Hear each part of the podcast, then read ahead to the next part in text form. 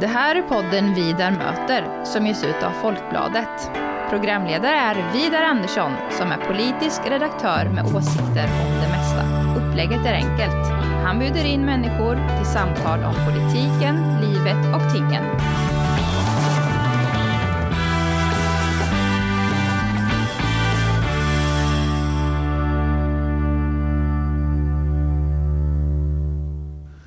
Pernilla Dahlgren, välkommen till eh, Vidarmöte. Tack så mycket. Stort tack för att du eh, ville vara med här. Du är ju rektor på Silverdansens skola Ja, det stämmer. ja, i Navestad. Ja, det stämmer också. Eh, Norrköpings numera enda utsatta område på de där listorna som polisen upprättar, eller hur? Precis så. Du har varit rektor här i fem år, Ja, snart i sex. snart i sex. Ja. Ja. ja. Är du från Norrköping? Eh, nej, egentligen inte. Eh, jag är, eh, bodde i Finland mina första sex år. Jaha. Och sen så eh, flyttade vi till Linköping. Ja, Och sen blev jag en Norrköpingsbo när jag var tio. så där. Finland, Linköping, Norrköping. Ja, det är det väl stämmer. en bra kombination? Ja, det tycker jag. Hör du, eh, du har varit lärare länge kanske? Ja, jag gick ut lärarutbildningen eh, 98. Vad har du jobbat i för skolor, områden? Eh, Min första tjänst var på, eh, då hette det Hagebyskolan, den som heter Söderport idag. Okej.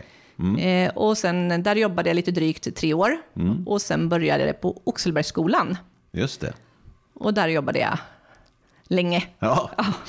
Oxebergsskolan är ganska nära där jag bor. Okej. Jag bor- på Odalgatan. Så... Ja, men då är det nära. Ja, ja. Och sen så nappar du på ett rektorsjobb, är rekryterad hit.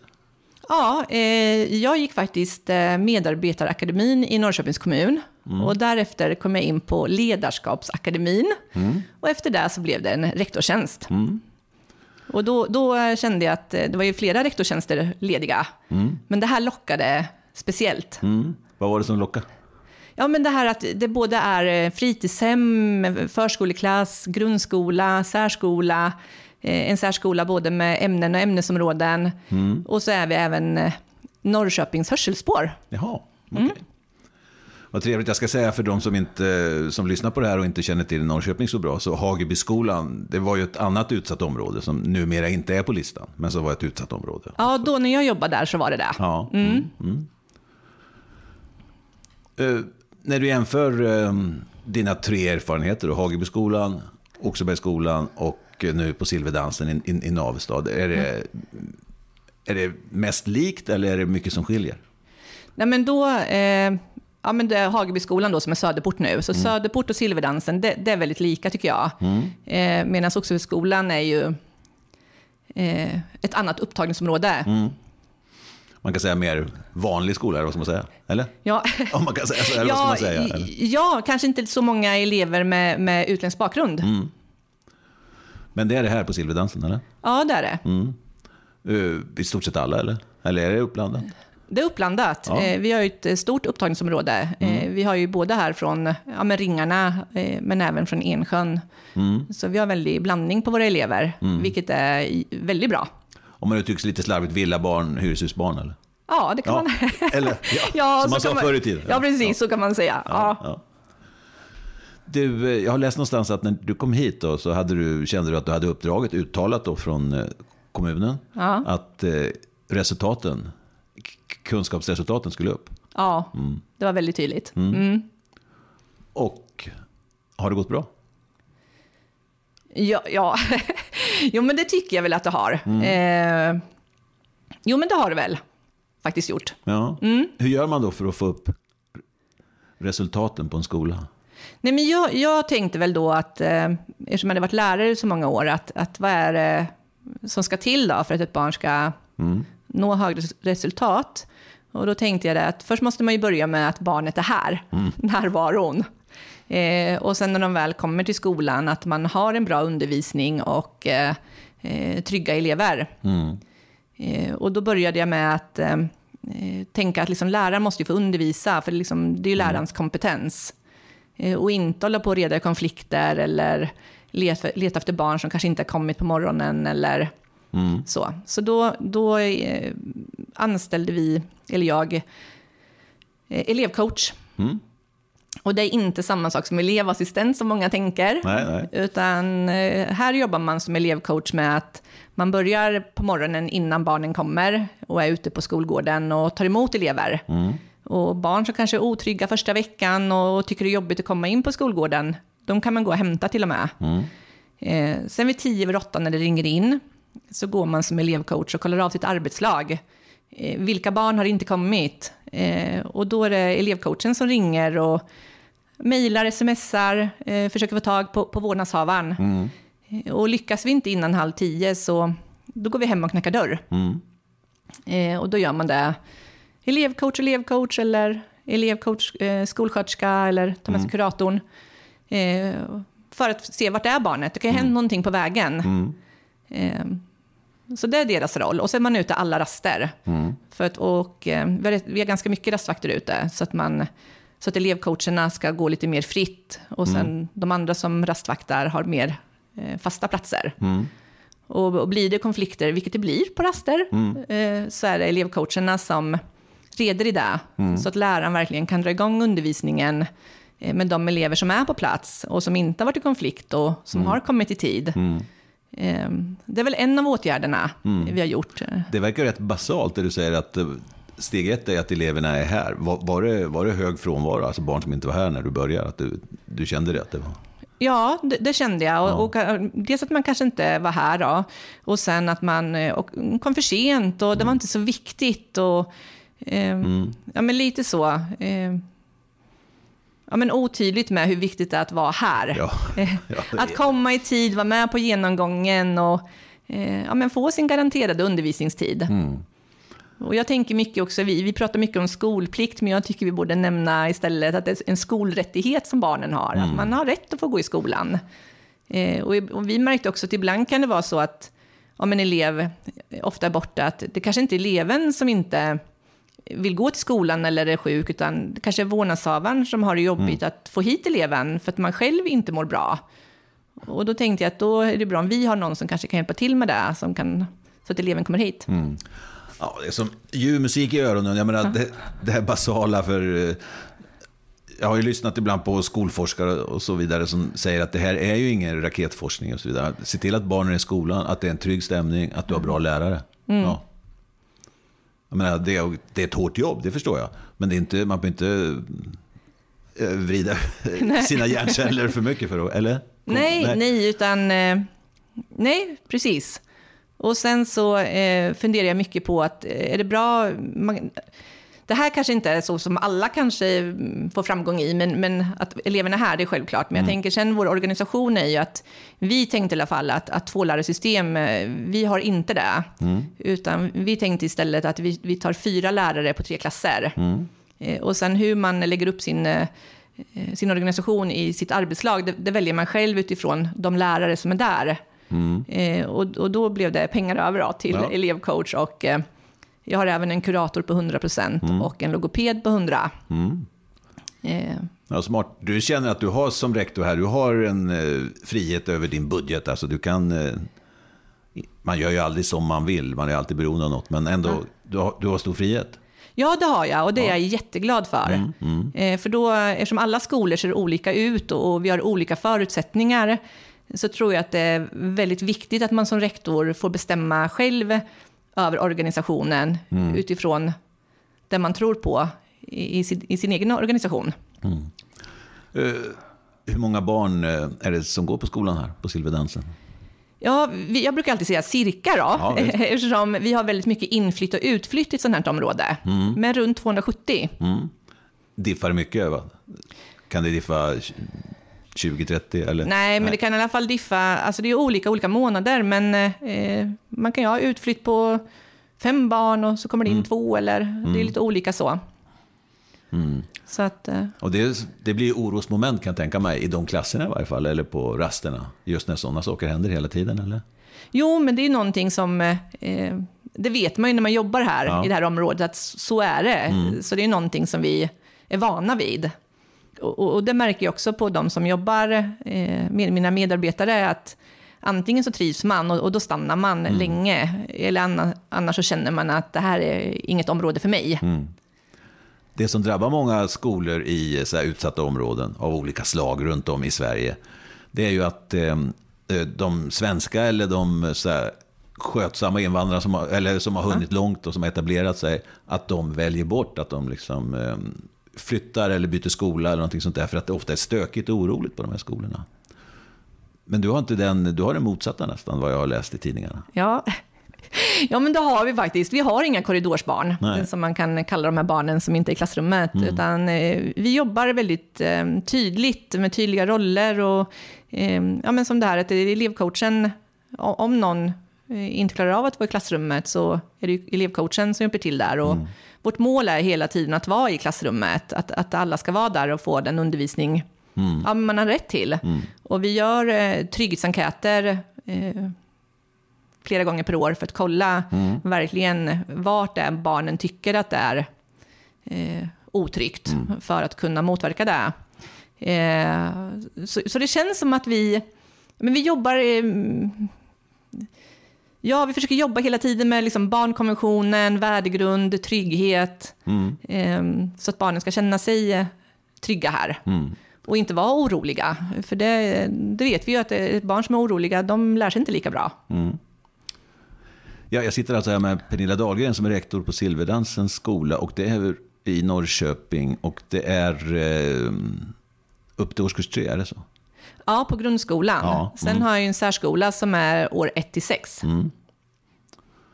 Okej, så ser det ut. Och eh, eh, Silverdansen har ju hamnat i eh, rampljuset, eller vad man ska säga, genom att en rikstidning, Dagens Nyheter, har tagit upp eh, ämnet försvunna barn. Alltså barn som eh, försvinner under läsåret och som man inte vet var de är.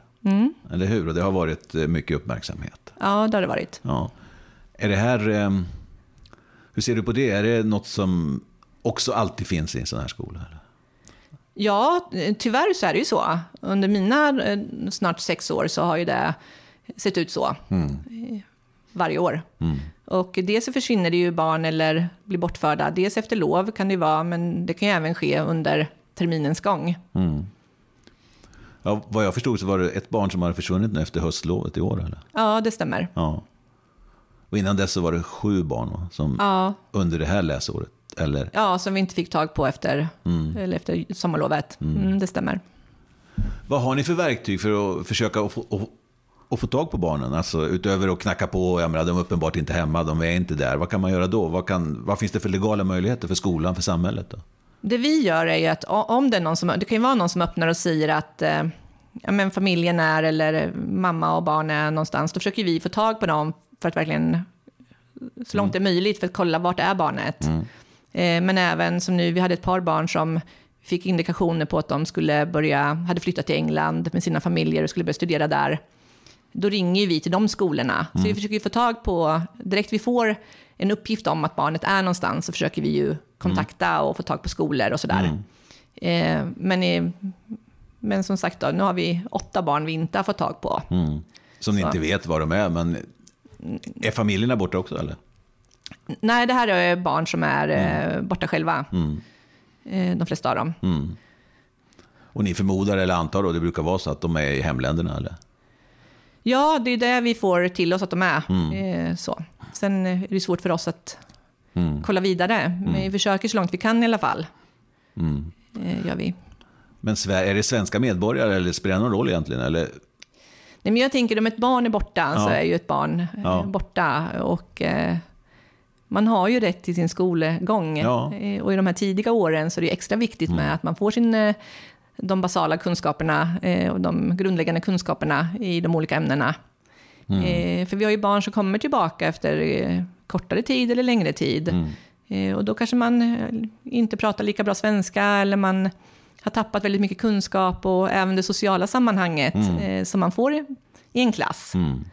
Eh, sen försöker vi självklart på föräldramöten och utvecklingssamtal och sådär att prata om den här frågan, hur viktigt det är att, framförallt på föräldramötet, att, eh, eller föräldramötena, att eh, det är viktigt att gå i skolan. Vi vet att det är en framgångsfaktor senare i livet, att man har klarat av sin skolgång och fått välja den gymnasieutbildning man vill. Ja, och, ja, visst. eh, Ja. och en framtidstro.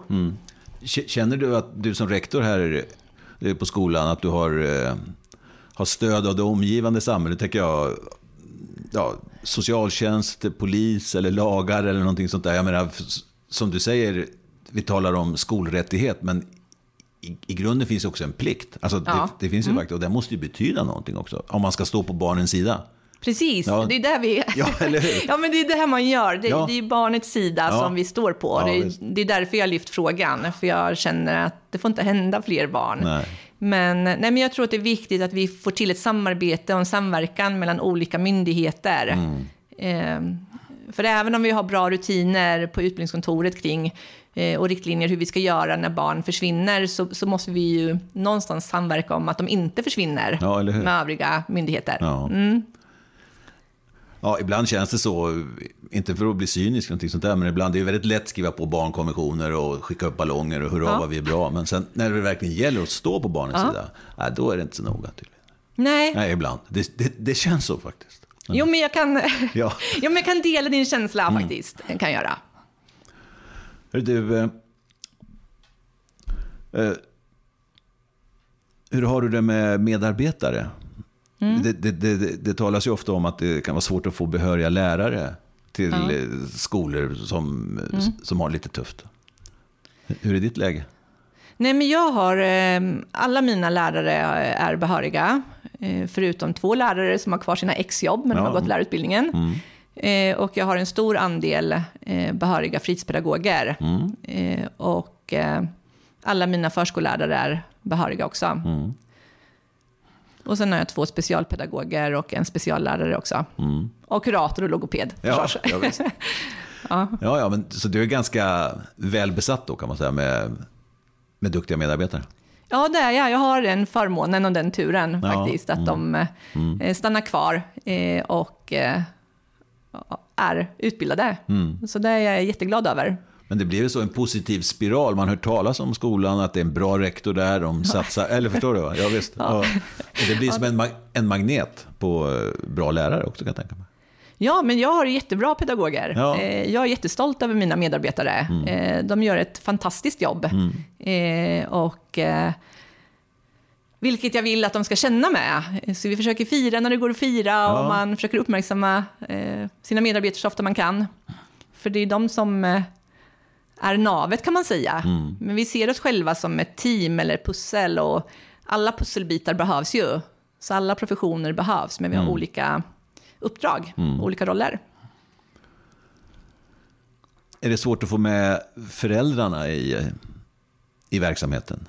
Eller du kanske inte vill ha med dem så mycket? Eller, jag menar, eller, Jo, men vårdnadshavarna är jätteviktiga. ja, ja. Eh, sen har ju pandemin eh, satt lite käppar i hjulet för olika möten, men även under pandemin eh, så hade vi vårdnadshavarmöten när vi kände att det gynnade barnet. Eh, för vi tror på fysiska möten. Det är mycket viktigare att ha ett fysiskt möte än, eh, och mer gynnsamt än att ha ett telefonmöte eller via eh, datorn. Eh, Så vi är glada för nu att det börjar öppna upp lite. För att eh, får man med sig vårdnadshavarna och, och de förstår eh, vikten av skolan och, och, och det här så är det jättemycket vunnet. För det är ju... Barnet är ju det bästa de har. Och vi måste ju samarbeta, tänker jag. Eh, Du sa att ditt grundläggande uppdrag var när du kom hit där för nästan sex år sedan, det var att få upp eh, kunskapsresultaten. Ja. Och eh, det går åt rätt håll sa du, men hur, hur, hur mäter man det? Är det nationella prov eller era egna bedömningar? Du får inga betyg än på barnen som... Nej, eh, Inte, inte i grundskolan i varje fall. inte i grundskolan, men i särskolan får man ju betyg i år sex. Just. Men eh, nej, utan det är ju nationella prov. Och sen gör vi ju screeningar hela tiden. Ja. Vi tror ju på tidiga insatser. Så vi screenar barnen direkt när de kommer i F-klass. Och skrina menar du, du mäter vad kan de, vad kan de Ja, inte? precis. Och det är ju em, samma personer som gör det, så, att det, inte, så det blir objektivt. Mm. Ja, vad bra. Eh, och eh, utifrån det sen så fördelar vi, så har vi som ett resursteam. Och så fördelar vi resurserna efter det barnen behöver. Eh, så vi tänker inte att man måste vara exakt lika många i varje arbetslag, utan det handlar ju om elevernas behov. Och vi tänker att eh, hittar vi redan eleverna i F-klass, eh, de som är, och vi stoppar in eh, stödinsatser redan där, så det är mycket vunnet inför år ett. Absolut, så då, du, du håller inte så strikt på årskurser och sådär om man går i F-klass eller ettan, tvåan, trean, utan det handlar om hur de har svarat på era skrivningar, vad man behöver.